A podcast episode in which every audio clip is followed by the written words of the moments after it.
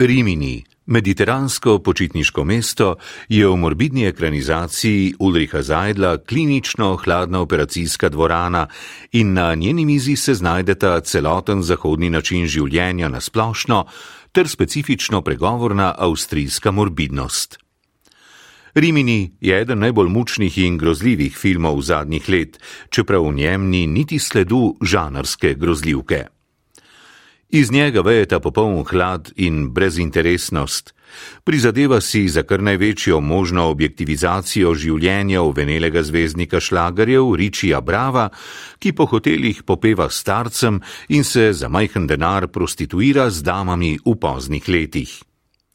Njegovo pijansko nizkotno življenje iz roku usta zmoti le prihod hčerke, ki se pojavi s skupino molčečih migrantov in od njega zahteva izplačilo preživnine, ki je 18 let ni plačeval.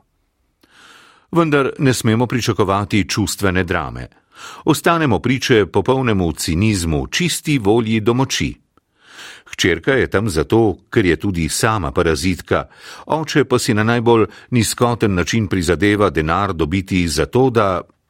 Pravzaprav ne vemo zakaj, gotovo pa ga ne vodijo kakšna globoka čustva. Morda gre predvsem za poskus pridobiti si možnost, da še naprej neodvisno živi, kot je navajen.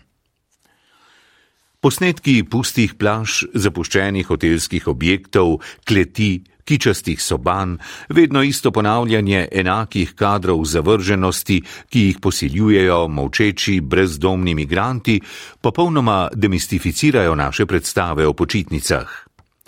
Jug, kamor gre na počitnice, je za srednjeevropskega človeka pogosto kraj, kjer skuša izživeti svoje nezavedno, da bi ga to popeljalo iz temačnih globin na svetlo. Zajdlov film mu to možnost oduzame in kaže, da pred potlačenim ni mogoče pobegniti. Pred potlačenimi vojnami na Bližnjem vzhodu, nacistično preteklostjo, morbidno obsedenostjo z materami ter praznino obljub hedonizma in vladajočega dojemanja mladosti. Vse se niči.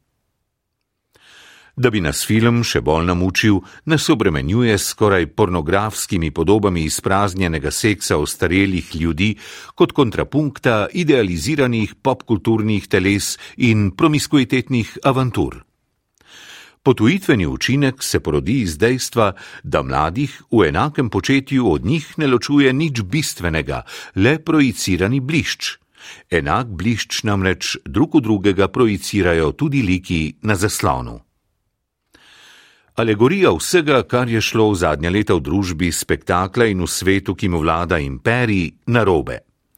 V dve uri je slačen ves razkroj Evrope po drugi svetovni vojni. Skrajno mučen film, kakršnega si tudi zaslužimo, in vrhunec dosedanjega kinematografskega leta.